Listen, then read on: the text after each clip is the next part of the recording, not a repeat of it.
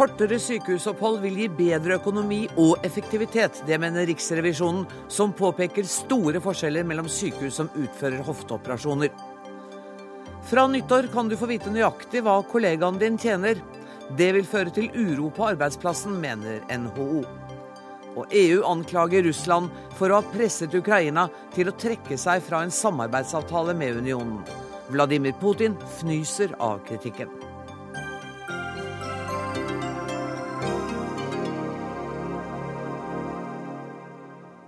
Dette er torsdagsutgaven av Dagsnytt 18, der vi også skal høre at eksamen filosofikum er et uviktig og utdatert pliktløp. Rektor ved Universitetet i Oslo svarer på kritikken litt senere i sendinga. Men først. Både helse og økonomi kan bli bedre hvis sykehusene skriver ut pasientene raskere etter f.eks. hofteoperasjoner. Det konkluderer Riksrevisjonen med i rapporten som ble lagt fram i dag. Det er i dag store variasjoner. Enkelte sykehus beholder pasientene i opptil elleve døgn etter en slik operasjon, mens noen skriver dem ut etter tre døgn. Rapporten viser at sykehus med kort liggetid har like god kvalitet på pasientbehandlingen som sykehus med lengre liggetid. Jørgen Kosmo, riksrevisor, var du overrasket over funnene? Ja, det vil si litt. Jeg hadde ikke trodd det var såpass store forskjeller som det faktisk var.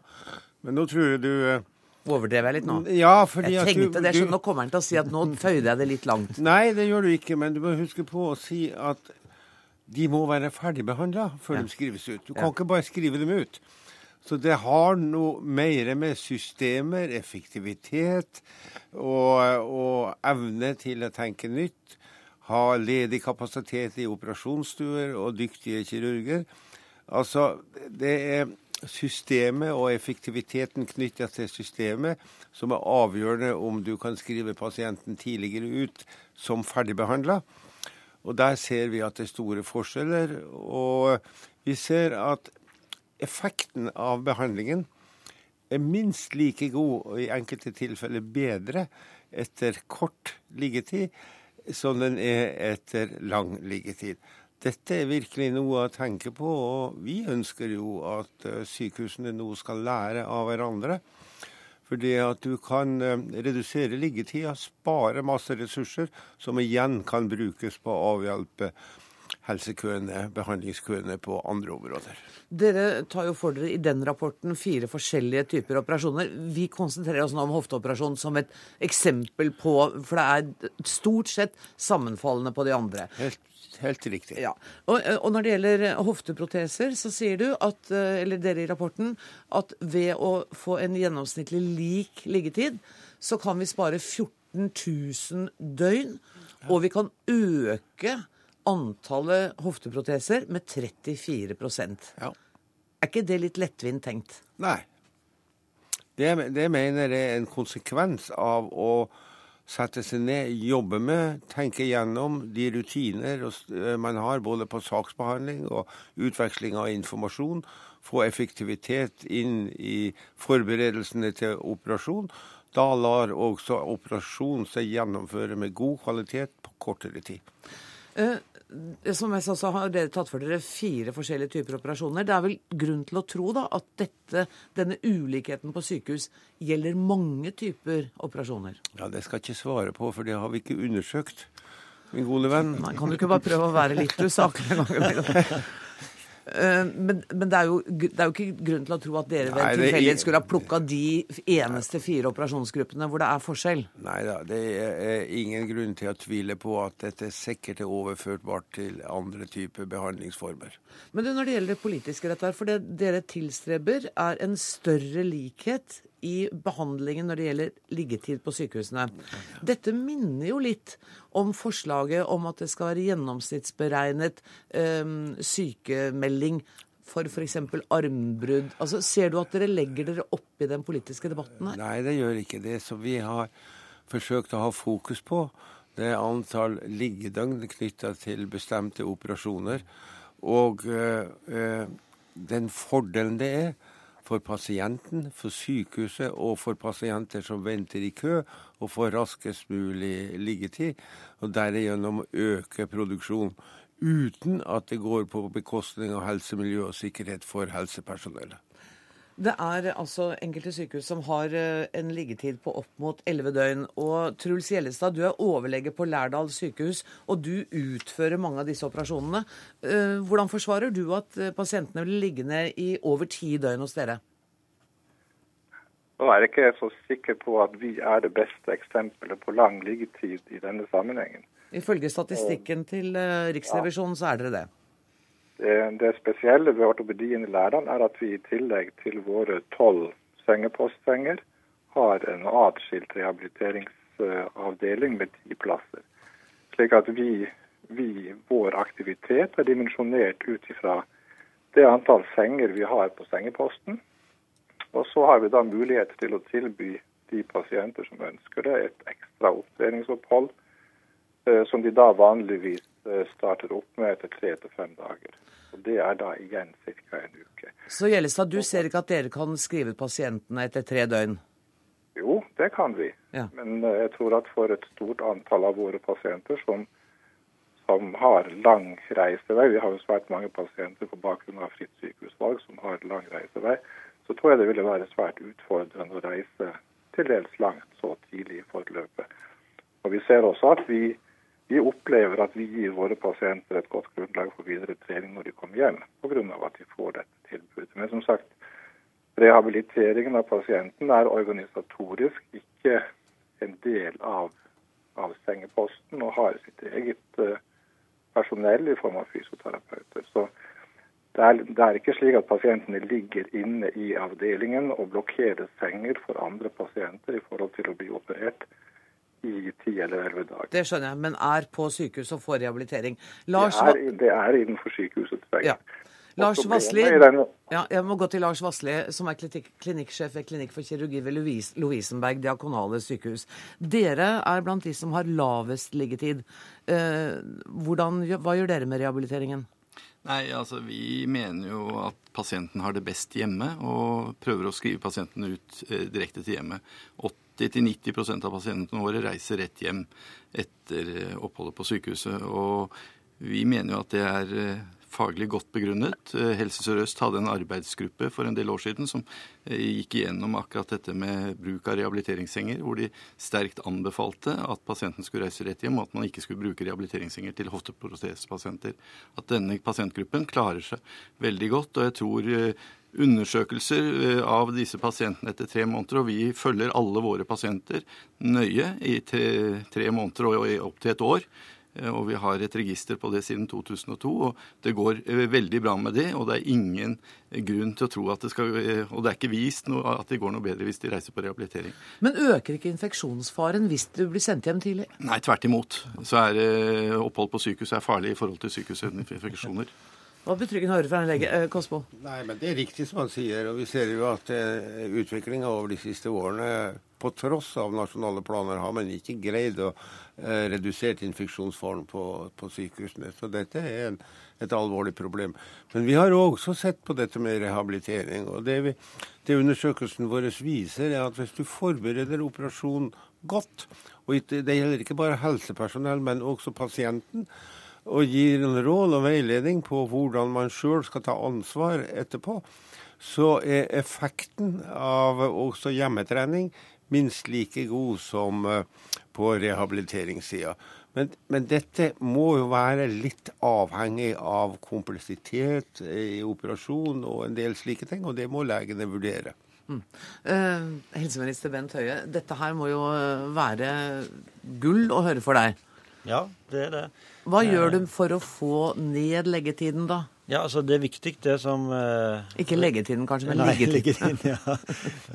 Helst leggetiden òg skal man ha. Men, men eh, det er veldig viktig det som eh, riksrevisoren her sier, at uh, det er jo da for ferdigbehandla pasienter. Det som jo da er viktig, det er at det ikke bare må handle om liggetid, men òg den tiden en faktisk bruker på sykehuset. Mm samla sett. Og det er jo der som f.eks. Eh, eh, for disse pasientene St. Olav sykehus går fram som et veldig godt eksempel.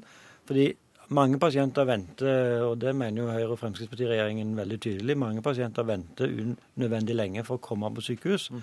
Men det er òg veldig mange pasienter som venter unødvendig lenge når de er kommet på sykehus. Eh, fordi at det, der, der en ikke følger et standardisert pasientforløp. Mm. Så det oppstår mye venting både underveis i behandlingen og etter behandlingen, der en eh, raskere kunne kommet ut. Så vil dette kunne frigi senger. Mm. Eh, men det som er enda viktigere, eh, det er jo at det som betyr mest for eh, behandlingskapasiteten ved sykehus, det er jo bruken av operasjonsstuene. Og Det òg viser denne rapporten veldig tydelig. At det er for stor variasjon i bruken av den tiden som er sykehusets åpningstid. Sånn at sykehusene òg må bruke operasjonsstuene lengre del av dagen og ha en mer effektiv Eh, pasientflyt, sånn at pasientene kommer inn, blir operert og kommer raskt ut igjen. Mener du at legene må operere flere på en dag? Da må opereres flere på en dag, og så må det bli mer Hvor mange da, tenker du? Ja, Det, det tror jeg kan bli ganske mange, hvis en utnytter den kapasiteten som en har. Jeg må bare spørre Vassli, hvor mange... Fordi at det, det som er hele poenget med denne rapporten, som er viktig, det er at den viser at det er for stor variasjon mellom sykehusene når det gjelder det å bruke det som er den anbefalte standarden på dette området. Og den variasjonen den går ut både over pasientens opplevelse og kvalitet, den eh, går ut over kvalitet på tilbudet, og den er ressursløsende. Jeg må bare spørre Vasle fort. Hvor, hvor, mange pasienter kan en av dine ortopeder Hvor mange proteser kan han sette inn på en dag? Og ja, det er fortsatt er forsvarlig? Ja, ja, jeg vet ikke. Det, det kommer litt an på ty, type operasjon, men en standard hofteprotese så kan de fint sette inn tre og kanskje fire, håper vi på sikt. Vi er ikke der enda, vi har fortsatt en del å hente. Men det er mange sykehus som er fornøyd hvis de setter inn to, for å si det sånn. Og da er det jo differansen det er 30 det er stor forskjell. Sånn at uh, det er ikke noe tvil om at uh, jeg er helt enig i at vi har en del å hente i sykehusene ved å organisere oss bedre. Men, men, det argumentet til Gjellestad om at fritt sykehusvalg gjør jo at han får pasienter med veldig lang reisevei, og det kan være krevende å skulle reise en lang vei etter en sånn operasjon. Skal man ikke ta sånne hensyn? Jo, altså En må kunne selvfølgelig ta individuelle hensyn, men eh, jeg mener at hovedutfordringen her er knytta til den tiden en samla sett bruker på sykehuset. Mm. Den kan gå ned. Eh, og eh, så kan det selvfølgelig være enkeltsituasjoner der dette kan en ikke trenger å følge dette. Men problemet i dag er at det er ikke det som er hoved... Altså det er ikke Årsaken til disse variasjonene handler ikke om at noen pasienter har lengre reisetid eller andre. Årsaken er at eh, sykehusene ikke er flinke nok til å innføre det som er anbefalte standard, både for pasientforløp, for operasjoner, og utnytte den kapasiteten som en har. Det er der vi snakker om at de sykehusene bør, være, bør lære av hverandre. Mm. Eh, og det hjelper ikke med nasjonale retningslinjer eller brev fra Helsedirektoratet eller hva Eller Riksrevisjonen eller noe. Nei, hvis ikke gjennomføringsevnen og viljen er til stede på sykehuset for å lære av de som gjør dette på en bedre måte, er den til stede, så er det et ganske stort potensial her. Og dermed fikk du siste ord. Tusen det var takk. hyggelig. Tusen takk til Jørgen Kosmo, Bent, Lars Vassli og Truls Gjellestad.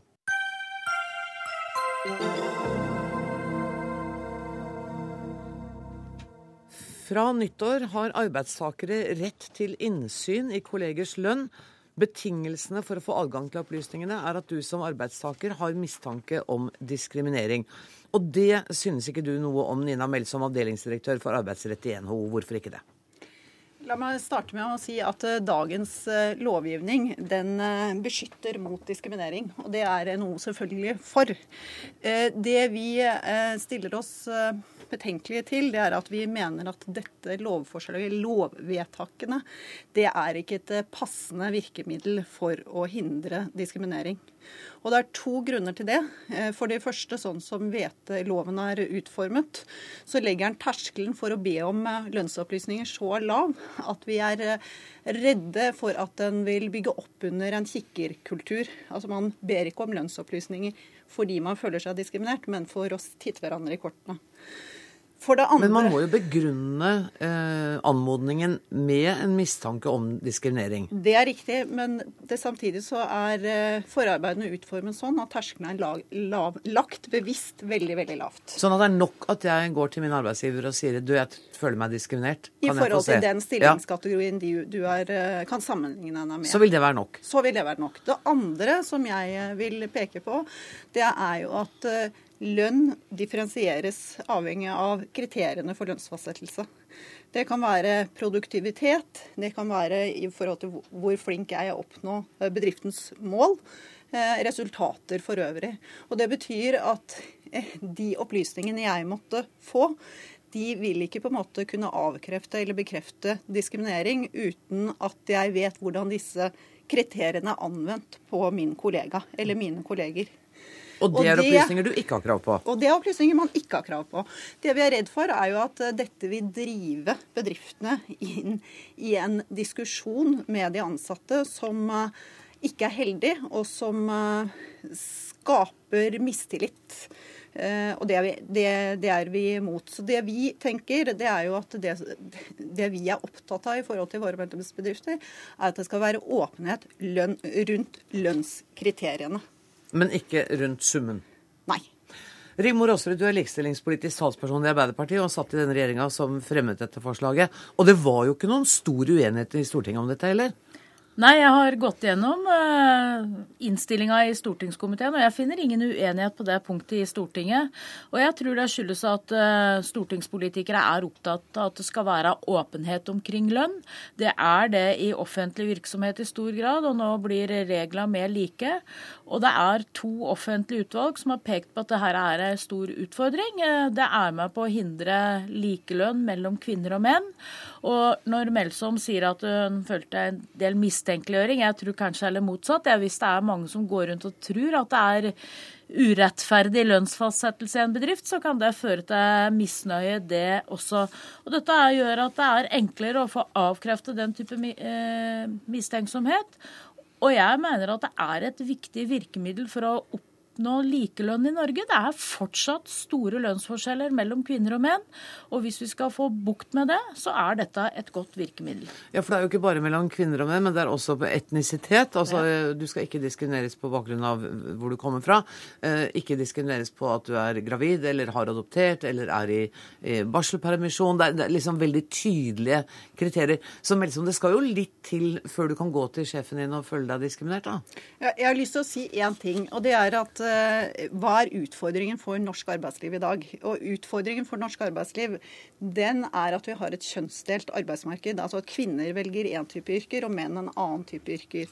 Likelønnskommisjonen den konkluderte med at det i dag er liten eller ingen lønnsforskjell mellom kvinner og menn som har samme stilling hos samme arbeidsgiver. Og Det er virkelig viktig å merke seg. Og så er det, ja, det skal være åpenhet om lønn i den forstand at det skal være full åpenhet rundt kriteriene for fastsettelse av uh, lønna. Men skal man på en måte gå hakket videre, så må man også si noe om anvendelsen av disse, kriteriene. Og det er det eh, vi er eh, skeptiske til. Men hvis det er så enkelt, så burde jo arbeidsgivere lett kunne gjøre det. Hvis det er sånn at man anvender de kriteriene på en riktig måte, da skal det jo ikke gi seg noe utslag i ulik lønn da. Og da vil jo statistikker og annet tilsi det. Men det hvis... kan jo være andre grunner til at man eh, gasjerer den ene høyere enn den andre? Ja, og da må man kunne fortelle hvorfor det er sånn, og kunne stå for det. Og det mener jeg et sånt eh, system som det nå legges opp til, muliggjør. Og det bør bedriftene kunne være eh, åpne om. at noen gjør en bedre jobb enn andre, det er jo et kriterium som må være gyldig. Men da må man jo også kunne fortelle arbeidstakere som ikke er like gode, eh, hvordan de skal oppnå de samme eh, fordelene og samme lønnstilleggene som andre har fått. Men Ser du ikke at på en, en, mindre arbeidsplass at det kan skape ganske dårlig stemning hos den som kommer ut fra sjefen og får beskjed om at nei, grunnen til at du har dårlig lønn, er at vi syns du jobber ikke godt nok? Altså, det blir jo ikke jo, gøy på den jobben. Hvis eh, arbeidsgiver ikke gjør noe annet enn det, men arbeidsgiver må jo korrigere gjennom medarbeidersamtaler, stille krav og forventninger til de ansatte. En god arbeidsgiver gjør jo det. Og da er det fullt mulig også å ha en god samtale med medarbeidere sine om sånne ting. Og jeg tror det er en like dårlig opplevelse for den ansatte å oppleve at en som sitter på nabokontoret, og som du oppfatter gjør samme jobben som deg, har en annen lønn eller deg. Så jeg tror ikke det er noe entydig at det vil være annerledes om du får, får vite det, og kan eventuelt avkrefte det du opplever som urimeligheter. Men så mener du at vi rett og slett ikke trenger denne adgangen? Jeg mener at man ikke trenger den adgangen. Jeg tenker at det, det, viktige er at man har åpenhet rundt lønnsfastsettelse. Og så tenker jeg at det man også trenger, er jo at man kan klage til ombudet dersom man mener å ha vært utsatt for eh, diskriminering. Og da vil jo de kunne på en måte få, se på hvordan disse kriteriene er anvendt i de konkrete eksemplene. Du mener Likestillingsombudet? Ja. Men, men det er jo en prosess igjen. ikke sant? Det tar jo lang tid, da. Det tar lang tid, men jeg, på den annen side så er jeg uenig med Aasrud at ikke dette skaper uro. Fordi for Hvis jeg får vite at min mannlige kollega tjener 50 000 mer enn meg, så har jo jeg selvfølgelig fått vite hva som er begrunnelsen for min lønn. Men jeg vil kunne gå i taket eller bli fryktelig lei meg, og så må jeg gå til lederen min og spørre hvorfor får han 50 000 mer enn meg. Og så får jeg da indirekte vite at han er kjempeflink, eller jeg er, ergo så er ikke jeg så dårlig. Man har eksempler på arbeidsplasser hvor på en måte dette har kommet ut, og hvor det har ført til veldig uro. Det blir en mistenkeliggjøring mellom kollegene mellom, og som skaper uh, utfordringer for ledelse. Vi må rett og slett vente til 1.1 og se hvordan uh, dette kommer til å fungere. For det trer i kraft 1.1. Åsrid, du er ikke så bekymra? Det er ikke det. Nei. Og vi har opplevd, og jeg har hatt ansvar som arbeidsgiver i staten gjennom mange år. og uh, Staten og annen offentlig virksomhet er jo vant til å forholde seg til tilsvarende regler. Jeg har lyst til å bare føye til der at I staten så er åpenhet rundt lønn begrunnet i helt andre hensyn, nemlig at det er skattebetalernes penger man anvender, og da må det være transparent. Jeg må sette strek der, og så får vi heller snakke om det når vi har sett hvordan dette virker en stund. Tusen takk til Nina Melsom og til Rigmor Aasrud.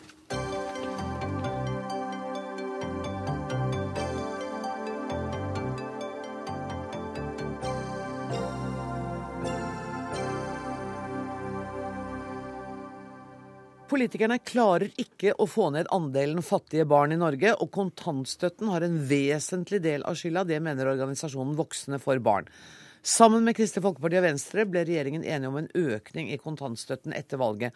Randi Talseth, du er generalsekretær i Foreningen Voksne for barn. Og i går overleverte det en rapport til barne-, inkluderings- og likestillingsminister Solveig Horne. I den rapporten så fremgår det at de politiske grepene som er tatt for å få bukt med barnefattigdom, ikke virker. Hvis vi et øyeblikk glemmer kontantstøtten, hva er det som har gått galt? Det som har gått galt, er at eh, altså, det som har gått veldig bra, er jo at majoriteten i Norge har det bra.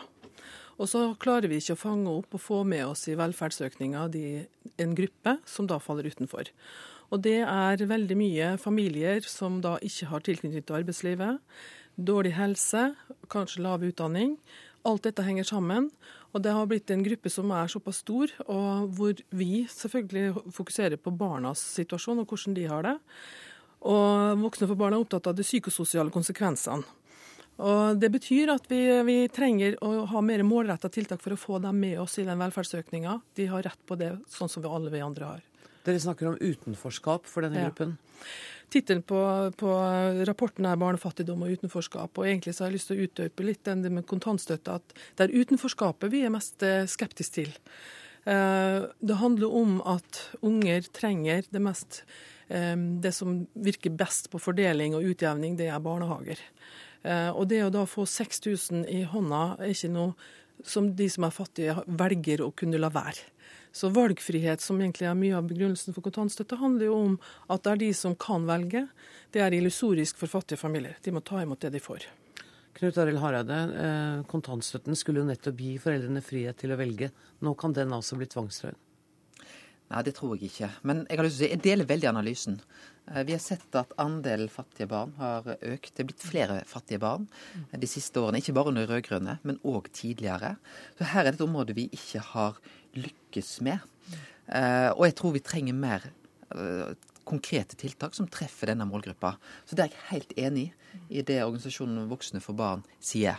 Og jeg har lyst til å si òg at i den samarbeidsavtalen som ligger mellom KrF og Venstre og regjeringspartiene, så sier vi skal nettopp komme med den type tiltak.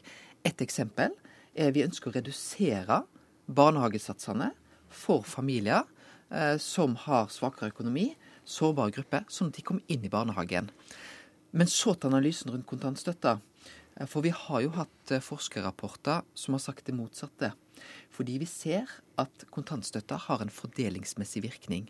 Det vil si at eh, en del av de familiene som relativt sett har minst, mottar bl.a. kontantstøtta. Skatteklasse 2, som Stoltenberg-regjeringa ønsker å fjerne, var jo òg en del av de sårbare gruppene. Det er grunnen til at vi ønsket å beholde den.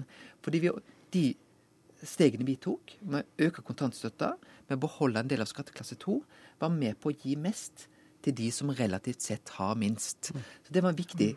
Men hadde det vært sånn at vi hadde fjerna kontantstøtta fra en del innvandrerfamilier, og den ene personen i familien hadde gått automatisk i jobb, så kunne vi vært med å diskutere disse effektene. Men det er det vi så. Da vi fjerna kontantstøtta, så fulgte ikke det til en effekt ved at flere innvandrerfamilier bl.a. gikk ut i jobb. Og Derfor så trenger vi langt mer differensierte tiltak. Vi vet at i Stavanger så er det gjort veldig mye med å få innvandrerfamilier begge til å gå i jobb. Men det å fjerne kontantstøtta, det fungerer ikke isolert sett. Men er det bare innvandrerfamilier vi snakker om? Talsett? Nei, absolutt ikke. Det er veldig mange enslige mødre også. Eh, og så er det mennesker som er på langtidsytelser, for å si det sånn, som da er syke, og som da eh, sannsynligvis aldri vil komme inn i arbeidslivet heller. Og så ser vi jo at dette går også i generasjoner. Sant? Så det gjelder å bryte sirkelen, og det er kjempeviktig. Uh, vi er klar over det at hvis man umiddelbart skulle ta bort kontantstøtta, så betyr det 6000 mindre for mange av disse fattige familiene. Så det er vi klar over. Men det går an å gi de ytelser som da kompenserer for det. Så det er vel det vi er ute etter. At vi klarer å opprettholde en økonomi som de kan leve av. De fleste familiene ønsker å klare seg sjøl. Så i den grad vi klarer å gjøre det jeg, Hvordan gjør man det? Hva er, altså, forslagene? Vi etterlyser f.eks. hvorfor er ikke barnetrygda fokusert mer? Isteden så har vi fått debatt og mer innføring av kontantstøtte. Altså du får en ytelse fordi at du ikke bruker en annen. Barnetrygda er en overføring fra storsamfunnet til barnefamilier i sin helhet. Men Burde den vært behovsprøvd på noen måte, eller burde den vært like stor til alle? Altså Det er en diskusjon. Og Der tror jeg man må sette seg ned og se på hvilken virkning det vil ha. Men det er helt klart at det viktigste for voksne og for barn er jo at de fattigste får. Mm. Men dette er et universelt tiltak. Så hvis bare barnetrygda hadde vært heva og prisindeksregulert fra 1996 opp til nå, så hadde 10 000 av de 75 000 barna ikke vært fattige. Så dette er viktige tall å ta med seg når man da skal se på fordelinga på overføringer som er til barnefamilier. Og det er jeg helt enig i. For vi har sett at barnetrygden har jo stått i ro mm. siden Gro, Gro Harlem Brundtland sin tid. Og det hadde vi reelt sett gjort noe med det, så har vi løfta veldig mm. mange tusen eh, familier ut av fattigdom.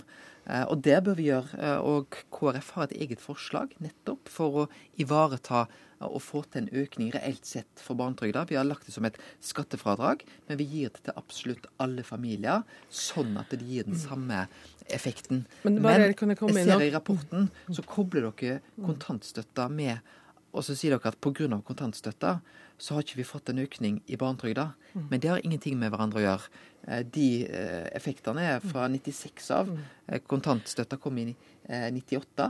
Eh, og under åtte år med rød-grønt styre så har òg barnetrygda aldri blitt prisjustert. Så det har ikke noen sammenheng med kontantstøtta i seg sjøl. Og så er det klart at kontantstøtta nå gjelder ettåringer. Og jeg syns òg det er viktig når vi snakker om integrering. Altså dette er barn som er ett år. Familie er forskjellig. Barn er forskjellig.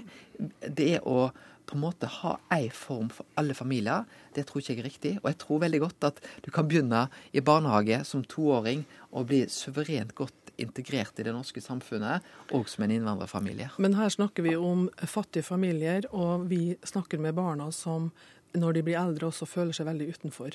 Og Da handler det om hvordan kan man få inkludert disse barna best mulig. Og Det er også spørsmålet rundt inkludering i forhold til innvandrerfamilier. Jo tidligere de kommer inn i storsamfunnet og f.eks. barnehage og får språktrening, jo bedre mm. stiller de når de kommer på skolen. Jeg tror at eh, det med kontantstøtte og barne, barnetrygda har en sammenheng de siste åra, fordi det er snakk om hvilke store overføringer disse barnefamiliene skal ha. Sånn at det har en sammenheng når det gjelder økonomi, helt klart i politiske prioriteringer. Men det, det som jeg oppfatter uansett mellom dere, for vi er nødt til å sette strek, er jo at dere er genuint opptatt av at uh, fattige unger skal få det vesentlig bedre. Da foreslår jeg at dere snakker om det dere imellom, så kommer det tilbake med noen løsninger. For det hadde vært veldig deilig å kunne bringe den nyheten. Det skal, det skal vi gjøre. Det skal takk skal dere ha. Tusen takk til Knut Arild Hareide og til Randi Talseth.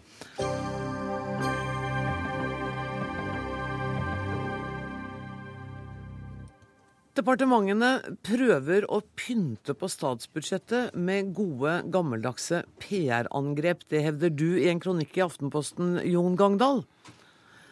Du har gått gjennom 31 pressemeldinger, eh, tilfeldig valgte pressemeldinger, og har funnet ut at det er overveiende positive nyheter om budsjettet. Det kan jo ikke ha overraska deg? Uh, nei, men Eller både ja og nei. Eh, jeg syns jo da vi fikk ny regjering, så var det Og hørte regjeringserklæringen og hørte de første budskapene som kom fra politikerne, at det var nesten som en litt sånn tåke hadde letta. Og sånn er det vel kanskje når man får en ny regjering, at uh, det blir klare. Uh, gamle regjeringer blir vel slitne, som alt annet som er utsatt for slitasje. uh, og så tenkte vi nå kunne det vært artig å se hvordan er de egentlig kommuniserer. Vi fikk vel av noen tips om at enkelte pressemeldinger kanskje ikke var helt sånn. Og så ser vi at når vi da går gjennom alle disse pressemeldingene, vi har for øvrig gått gjennom flere enn 31 vi har ah, ja, så, 31 så jeg, ja, det var bare en liten opptelling. Oh, ja, okay. Men altså, det vi ser, er jo da et mønster i at man altså konsekvent fokuserer på de gode nyhetene, og ikke på noe av det som er dårlig. Og Det er jo sånne kjente PR-grep. Bruk bare positive poenger i tittel. Fortell de gode nyhetene først. Få det lille til å se stort ut. Få det ulike til å se likt ut, og få det like til å se ulikt ut, osv. osv. Ja, og dette kan jo du, for du har jo drevet både som kommunikasjonsrådgiver, du har vært informasjonssjef i Oslo-politiet. Du, du, har jo gjort dette sjøl? Ja, jeg kan jo alle disse knepene. Jeg. Ja. Nå jobber jeg ikke så mye lenger med det lenger nå. Nei, nei. Men eh, jeg syns jo at eh, Og dette er jo grep som er greit f.eks. For, for et parti som er i opposisjon, eller det er greit under valgkamp å forsøke å forskjønne. Men når man sitter i posisjon, som jeg for øvrig syns Fremskrittspartiet har greit, greid overgangen veldig bra til, så syns jeg dette er helt unødvendig. Da har man en ansvarlighet både i å fortelle hva prioriter politikerne prioriterer, og hva de ikke prioriterer. Og det er fraværende i disse meldingene. Ole Berge, du er statssekretær ved Finansdepartementet og tidligere informasjonsleder i Frp. Vi har en finansminister som sier at denne regjeringen gjør nettopp det. Den prioriterer. Men Gangdal sier at det kommer ikke helt tydelig fram av pressemeldingene. Ja, og Det første man kan si til det, er jo at eh, det å ha en slik gjennomgang er både veldig snever eh, og uriktig framstilt, sånn som vi ser det. Okay. Eh, for det første så er jo kommunikasjon noe langt mer enn pressemeldinger. Det å antyde at pressemeldingene er liksom det viktigste i våre dager, det er et utdatert PR-syn. Pressemeldinger var kanskje viktig på 70-, 80- og 90-tallet, men nå er det helt andre kommunikasjonsformer som er viktig. Hvorfor driver dere med dem da? Nei, altså Det er jo greit å ha ut et hovedbudskap på morgenen før man begynner med alle intervjuer og, og det som hører med. Men her er poenget mitt. Eh, kritikken er at denne regjeringa skjønnmaler budsjettet. For første gang på svært, svært mange år så har vi en finansminister som på sin pressekonferanse når hun la fram budsjettet, først fortalte om alle kuttene, for så å fortelle om hva vi prioriterte. Så det er jo ikke riktig kritikken som kommer. Vi tør å kutte, vi tør å prioritere, og vi tør å snakke om det. Fordi når man skal prioritere mer til vei, til helse, til politi, som denne regjeringa har gjort, så må man også kutte på noen steder, og det har vi vært veldig åpne om. Men jeg hengte meg litt opp i det du sa om at pressemeldinger er ikke viktig lenger. Det er gammeldags, det er utdatert. Men allikevel så sier du at pressemeldinger er viktig som et utgangspunkt før man gjør intervjuer. Så helt uh, uvesentlig er det jo ikke. Og det, og det, bruk, det vet du jo, det brukes jo av media.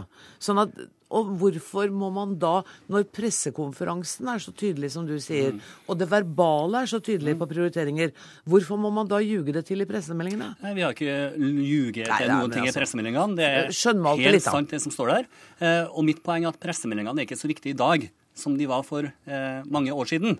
Eh, men, men, men nok en gang. Vi har en finansminister eh, som har skrevet pressemeldinger også om helheten i budsjettet.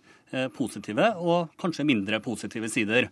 Eh, men det disse gutta har gjort, det er jo ikke sett på en eneste pressemelding fra Finansdepartementet, som er det hoveddepartementet når man legger fram en tilleggsproposisjon, som var tilfellet denne gangen. Jo da, vi har sett på også Finansdepartementets pressemeldinger, og vi kritiserer jo heller ikke politikerne. Vi syns jo snarere at det er kommunikasjonsenhetene som gjør politikerne en bjørnetjeneste. Men tror du at kommunikasjonsenheten sitter og finner på de vinklingene og de eh, overskriftene helt ut av eget hode?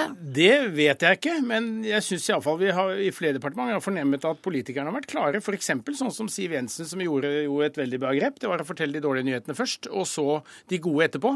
Mens vi altså ser konsekvent at i pressemeldingene så er det altså tilløp til sminke og forskjønnelse så å si overalt. Når f.eks. Landbruksdepartementet Men nå er det jo da finansministeren som går i alle TV-ruter, som har de pressekonferansene som strømmes live på TV, som legger fram budsjettet i Stortinget. Og hvis hun har vært så tydelig og klar som du gir henne honnør for nå, og det har hun vært, så har jo folket der ute fått med seg også de mindre eh, positive sidene av budsjettet. Men de har også fått med seg de positive sidene, selvfølgelig. Ja, Når denne regjeringa styrker helse, styrker politi ja, men, og styrker veisatsinga, så må vi jo fortelle om det også. Vi har bare lyst til å høre det eksempelet som du var i ferd med å ja, komme med. Men da. da skjønner ikke vi vitsen med at man f.eks. i Landbruksdepartementet bruker to tredjedeler av pressemeldingen på å fortelle at man får ti millioner til nye skogsveier og fem millioner til innovasjon. Eh, og så står det med noen små avsnitt at man kutter masse på forskning. Man kutter, det, står, det, står ikke hvor mye man kutter. Man kutter til Mattilsynet. Og så står det på siste linje at for øvrig går Landbruksdepartementets budsjett ned med over 100 millioner kroner. Altså, det må jo være den største påstå, nyheten. Så de følger, jo, unnskyld, de følger jo faktisk ikke engang journalistiske prinsipper å ta det viktigste først. Men, og da vet jeg som gammel PR-mann at dette er en måte å forsøke å se Altså det store til, eller det lille til å se stort ut. Eh, best begrunnet, og så kommer det dårlig til slutt. Så jeg syns dette er dårlig PR-håndverk, og jeg skjønner ikke hvorfor man da skal betale uh, PR-folk for å drive og villede publikum. Det som er relevant, er jo om politikere er åpne og ærlige i sin kontakt med folk og sin kommunikasjon med folk. Og jeg tror nå ingen kan påstå at det ikke har vært debatt om landbrukspolitikken siden vi har fått en ny regjering. For første gang på mange år så har vi nå en høyst nødvendig debatt eh, om eh, landbrukspolitikken ja, men Nå snakker vi om pressemeldingene. og hvordan denne politikken presenteres utad. Og Goldman, jeg må jo spørre deg, det, det, er jo ikke overraskende, for denne regjeringen er jo ikke den første som har forsøkt å forskjønne budskapet i pressemeldingen? Nei, og de har jo selvfølgelig arvet de samme kommunikasjonsenhetene som den forrige regjeringen. Og dette er jo en prinsipiell debatt som har vært oppe. Hvorfor har man altså pøst på med kommunikasjonsfolk eh, når politikerne sjøl er såpass taleføre som de er, og når poenget i posisjon er å forsøke å gi folk et helhetlig bilde av det man driver med. Og Men, da syns jeg når man da går gjennom hele dette materialet, så er det akkurat som når man skriver en bok i forhold til å hoppe fra tue til tue i, i, dags, i eh, den dag, dagspressen, at man ser et mønster.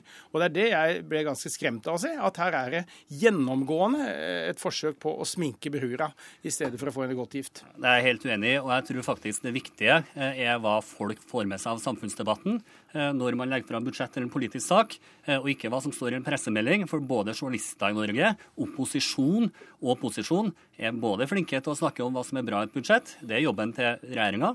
Eh, også er opposisjon og organisasjoner og pressen veldig flinke til å finne det som ikke eh, er så bra i et budsjett. Men spørsmålet gjenstår jo fortsatt. Hvorfor lager man da disse pressemeldingene som skjønnmaler, som Gangdal har gitt mange eksempler på? Kan man ikke bare slutte med det? Det er jo ikke unaturlig at man prøver å få ut hovedbudskapet på det enkelte departement eh, når man legger fram en tilleggsproposisjon eller statsbudsjett. Men ifølge Gangdal så er, hoved, så er, det ikke hovedpoenget som kommer først, det kommer helt nederst. Nei, det, det, nok, det, har vi nok delte meninger om. Men man må også huske at dette var en tilleggsproposisjon som er en endring til et statsbudsjett lagt fram av de rød-grønne. Og da er det jo endringene vi ønsker å fokusere på, eh, ikke det som eh, blir bestående. Jo, men når de største når vi snakker om de positive elementene, så er det naturlig. Men vi har også vært åpne om hvor vi har kutta, for å kunne prioritere mer til vei, okay. og mer til helse og mer til politi. Vi kommer ikke videre, men dere skal ha hjertelig takk for at dere kom, Jon Gangdal og Ole Berget.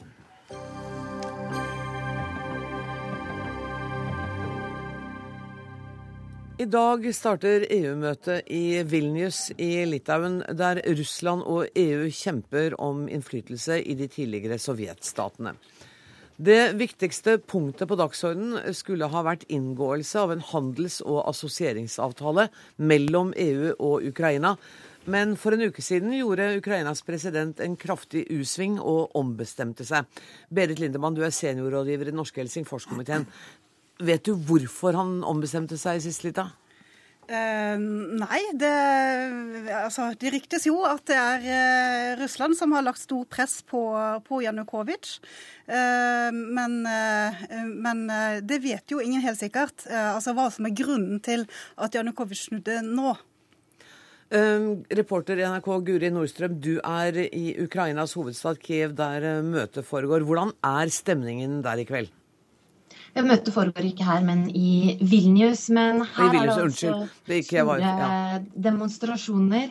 Eh, det blir spennende å se hvor store de blir. Her er det et kraftig snøvær akkurat nå, så vi får se hvor mange folk som tar til gatene. Men grunnen til at det ventet at de vil bli store, er nettopp pga. dette EU-møtet i, i, Vilnius. Og lenge håpet jo demonstrantene at uh, president Janukovsky ville ombestemme seg og inngå et samarbeid. Hvordan reageres det i Kiev på nyheten om at han ikke gjør det?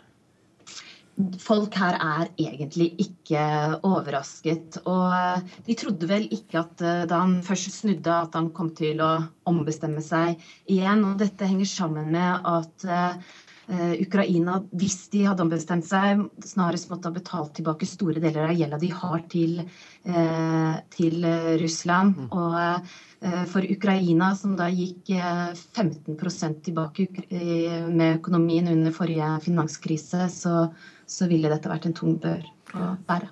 Men hva er grunnen til at så mange i Ukraina ønsker et samarbeid med EU? Eh, det er først og fremst eh, de unge her som ønsker dette. De jeg har snakket med, de sier de ser for seg en framtid med Europa. De ønsker å reise visumfritt, de ønsker å studere der. De, de mener Europa har uh, sunn økonomi, godt demokrati og er et godt forbilde for, uh, for uh, Ukraina. Eh, men, men, når det er sagt, så er det jo også flere her som synes at det presidenten nå gjør, er klokt. For de er redd for at dersom de samarbeider med EU, så vil deres arbeidsplasser og industri raskt bli utkonkurrert. Men er presidenten populær?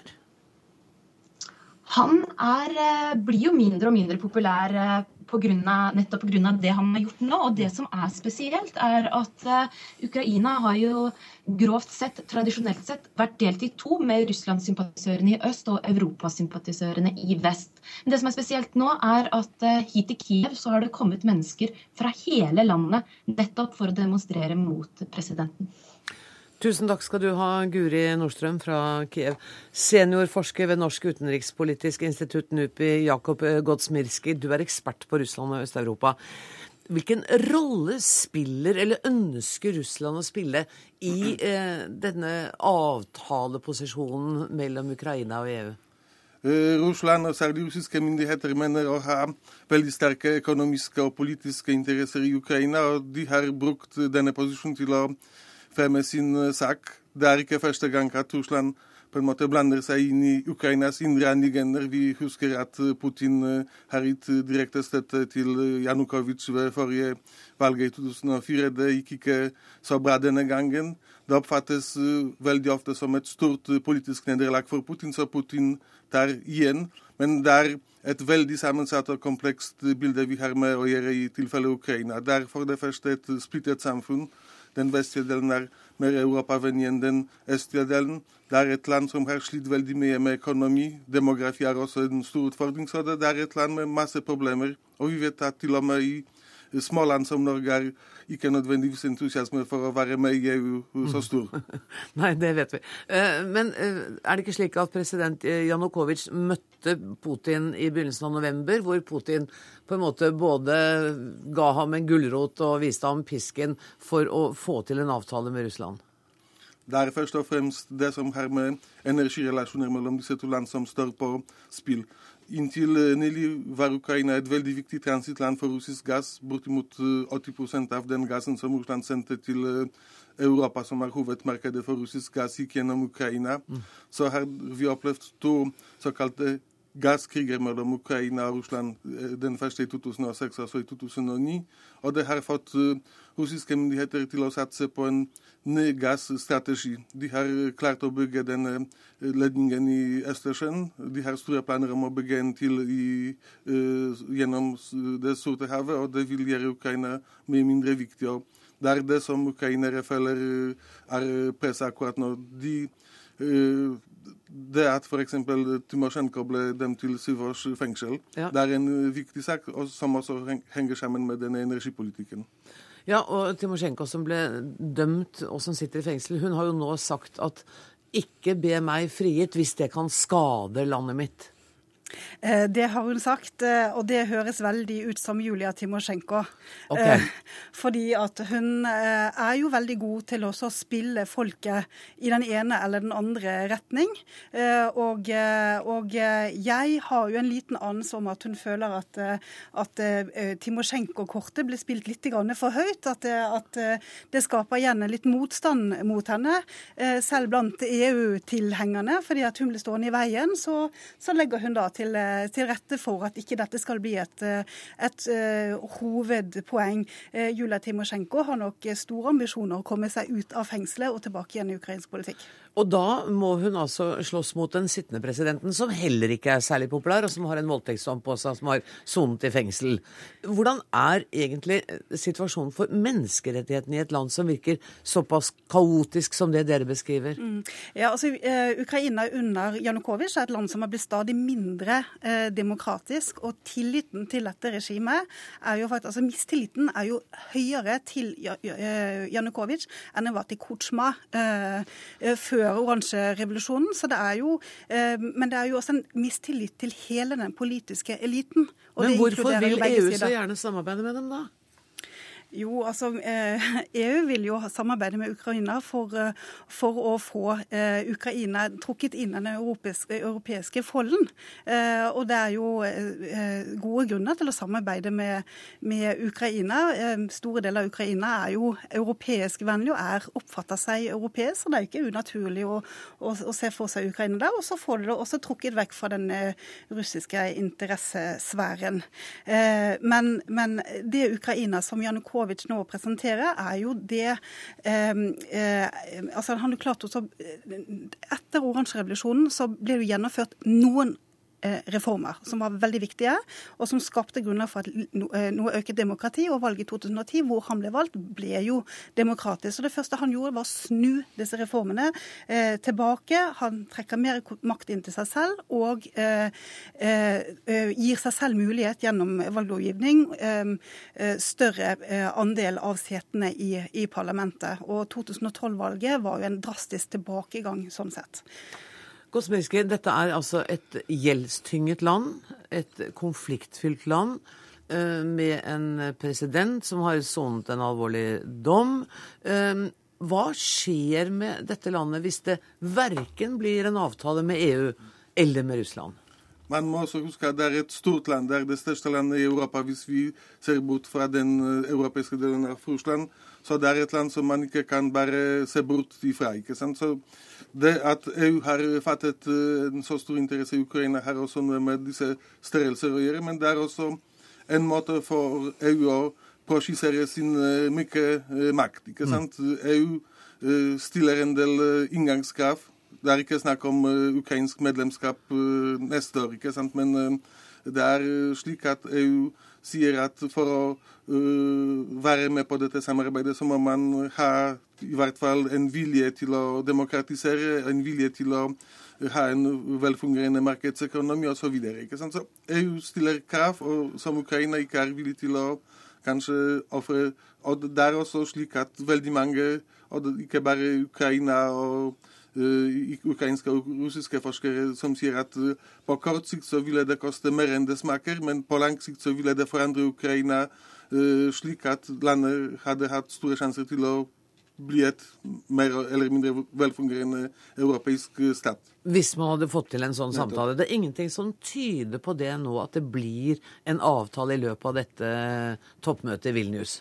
Nei, det, det ser jo ikke sånn ut. Eh, så nå får jo eh, Ukraina-eksperten på forskningssiden her uh, kom med de gode grunnene til at, uh, at det skulle eventuelt Hva som kommer til å skje. Men la oss forutsette at det ikke skjer. Mm. Hvordan er da menneskerettighetssituasjonen? Blir liksom Ukraina da overlatt til seg selv og til et stadig mindre velfungerende demokrati, eller vil det være påvirkninger utenfra når det gjelder den delen? Jeg er helt overbevist om at, at, EU kommer til å fortsette sine krav for, for Ukraina, men det er klart at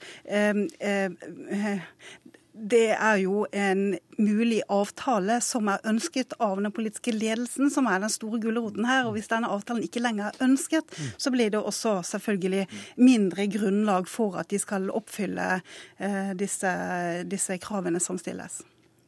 Og det, Hun sier at uh, ekspertene her skal snakke om, om, hva grunnen kan være til at man eventuelt får til en avtale. Tror du at det er noe håp om at noe skal skje i løpet av dette toppmøtet i Vilnius? Kanskje ikke under dette toppmøtet, men uh, Ukraina skal til uh, et nytt presidentvalg i 2015, og der er det store sjanser for at nye krefter kommer til makten. F.eks. den sittende verdensmester i boksing Vitalij Klitsjko har stiftet et eget parti, og dette partiet fikk forholdsvis stor oppslutning ved forrige valg. og Det er en veldig populær figur en samlende figur, fordi han har både støtte i Øst-Ukraina, som er Russlands venn, og i Vest-Ukraina. Så det er mulig at vi kommer til å se en maktkonstellasjon i Ukraina rundt 2015. Så en verdensmester i boksing kan være den som sikrer avtalen med EU, og som kanskje bedrer menneskerettighetssituasjonen i Ukraina? Det kan ikke helt utelukkes.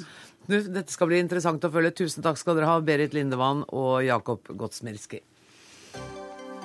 Hør Dagsnytt 18 når du vil, på nettradio eller som podkast. nrk.no – dagsnytt 18.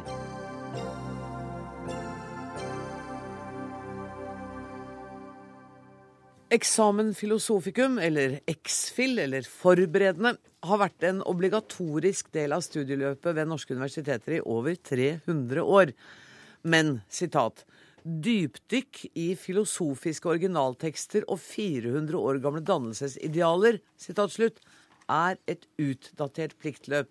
Og det skriver du i et innlegg i Dagbladet i dag, generalsekretær i Sosialistisk Ungdom, Mina Finstad Berg. Hvordan kan du kaste X-Fill på båten på den måten her? For det første vil jeg si at uh, Dette er ikke noe forsøk på å kaste X-Fill på båten, men kanskje stille noen spørsmål rundt Eller over bord heter det vel. Å kaste det på båten er vel ganske dårlig norsk, egentlig. Nei, Det er vel heller noen, et forsøk, forsøk på å stille noen spørsmål rundt hvorvidt eksamen filosofikum fortsatt svarer til de største akademiske utfordringene nye studenter har. Mm.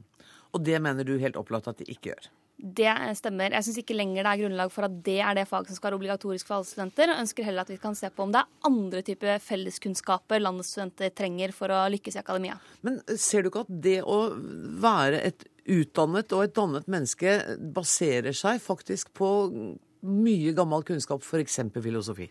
Filosofi kan selvsagt hjelpe på veien i en utdannelse, men jeg mener vi må være åpne for at det også er andre ting som kan være vel så viktig for, for, dagens studenter. Akademia er jo veldig dynamisk og forandrer seg veldig mye. og Da er det rart at man skal holde fast på et fag som altså går tilbake til 1600-tallet. Men er ikke noe av tanken med eksamen filosofikum at den unge studenten også skal lære seg kunsten å studere. Altså du skal lære deg studieteknikk, du skal lære deg å fatte begreper som du ikke har kjent. Hvis det er tanken bak X-Fill, så tror jeg, jeg ikke det kommer så godt fram for dagens studenter. Jeg tror alle vi som har hatt X-Fill, eh, kanskje kan skrive på at det ikke er det faget som gjør oss best studieteknikk. Eh, men det vi etterlyser, er jo nettopp mer fokus på f.eks. studieteknikk, eh, akademisk skriving, argumentasjon, logikk, eh, kildekritikk og kildebruk i en verden hvor mer og mer skjer digi digitalt, mener jeg vil være mye viktigere kunnskap for landsstudenter for å lykkes. Så er det klart at man skal ikke kaste all filosofihistorie på båten, eh, men vi må kunne tenke litt nytt. Ole Petter Ottersen, du er rektor ved Universitetet i Oslo, og du noterer flittig når du hører kritikken av, av dette. Er det litt foreldet? Nei, det syns jeg nok ikke. Men uh, vi må skille mellom to ting. Det ene er uh, hva er uh, tittelen, altså eksamen filosofikum, og hva er innholdet. Mm. Og det vi jo ser, er at innholdet har jo endret seg mange mange ganger på de 400 årene som det nå refereres til. Slik at det flotte er jo at dette er en eksamen, eller eksamens filosofikum, er altså et bacheloremne som er åpent for kritikk, og som er åpent for endringer hele tiden. Og det er flott at vi har en debatt med jevne mellomrom. Og hva inneholder det i dag? Være. Ja, I dag så inneholder det jo helt uh, korrekt uh, en god del om vitenskapens historie. Og det må nødvendigvis også bli filosofiens historie. For uh, vi må jo gå tilbake til filosofien for virkelig å, å gjøre et dypdykk i vitenskapens historie. Og så er det da ganske mye om etikk. Og kjønnsperspektivet er sterkt inne. Og det er ja, mye om økologi, naturens verdi. Så jeg syns det er veldig mange emner her som eh, spiller rett inn i det som er debatten i dag. Men er det ikke et kjempegodt poeng at f.eks. kildekritikk i vår digitale verden er viktig? Studieteknikk, altså mm. praktisk rettede ting, mm. som hadde brakt denne forberedende eksamen opp på nivå med den forandringen som skjer i akademia? Det er mange ting jeg skulle ønske lå inn der i tillegg. Ja. Blant andre de tingene du sier. Nå tror jeg nok det er en god del kildekritikk eh, som allerede ligger der inne i, eh, i den nåværende formen og nåværende innholdet. Men det som jeg skulle ønske meg, naturlig nok, er at eh, det ble mer logikk inne. Og at vi også fikk inn argumentasjonsteori, at vi fikk mer saklighetslære. Mer om saklighet, ja. for all del. Så, så, Men logikken var jo tungt inne. For, nemlig, nemlig, nemlig. Da vi tok den. Så det er elementer som eh, jeg gjerne skulle ønske kom inn. Men da må vi jo utvide, og da blir det flere studiepoeng, og det kommer kontakt, i, i konkurranse med andre ting. Men spør du meg, så sier jeg rett ut ja, jeg skulle ønske at det kom tilleggselementer inn, men jeg synes de elementene som ligger inne, også er usedvanlig gode. Kunne du tenkt deg det, Finstad Berg, at at det kom flere elementer inn, og at det ga flere poeng? Altså, eh, X-Fil har jo vært reformert veldig veldig mange ganger. Jeg har tatt det i den siste varianten, hvor man bl.a. har tatt ut logikk og argumentasjonsteknikk eh, og tatt inn originaltekster. Så jeg var en av dem som satt og, satt og sleit meg gjennom Platons originaltekster og ikke skjønte hvor relevant det var for min språkutdanning. Eh, men jeg tror at man er nødt til å begynne helt på scratch. da. Nå har vi hatt dette faget siden 1600-tallet, og det kan godt gjøres bedre ved en del endringer. Det har vært endra mange, mange ganger. Men jeg tror at vi hadde godt av å starte med blanke ark, sette oss ned og tenke OK. Hva er dagens studenters største utfordring? Hva er det felles grunnlaget dagens studenter trenger for å lykkes i akademia? Og Sånn tror jeg vi kunne fått et oppdatert fag, og et fag som i mye større grad svarte til det man trenger av felles kunnskap i dagens akademia. Men da ser du for deg, for du er enig at det bør være en innledende prøve, liksom, at, når man studerer, at man skal ha en litt sånn felles plattform? Altså, jeg skjønner at det er mange argumenter for å ha noen eh, ja. felleskunnskaper, og det er veldig åpen for å diskutere hva det skal være.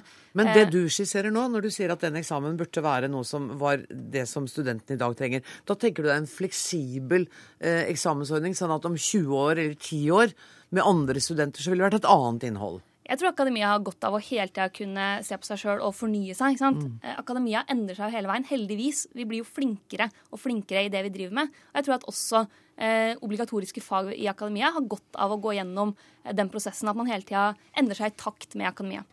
Finstadberg slet seg gjennom Platons originaltekster uten å skjønne hva det hadde å si. Er det litt bortkasta å være helt ærlig, rektor? Nei, jeg, jeg, synes ikke det. Eh, vi har godt av å rett og slett reflektere over, over hvor kommer vi fra. Og da er eh, det å gå inn i vitenskapshistorien, og til og med tilbake til antikken, kjempeviktig, etter mitt syn.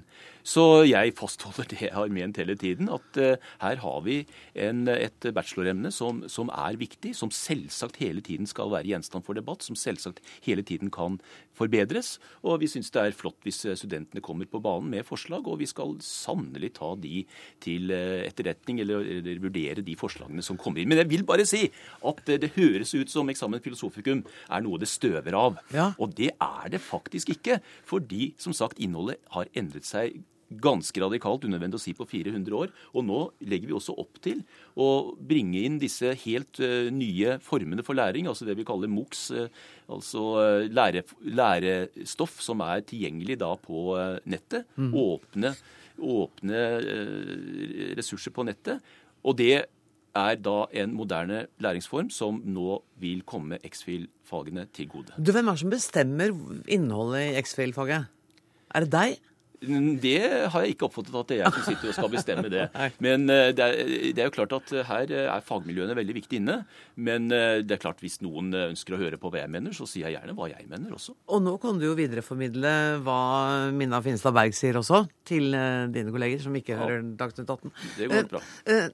Dette med en blanding av det klassiske filosofiske og det nye, kunne ikke det være én mulighet, da?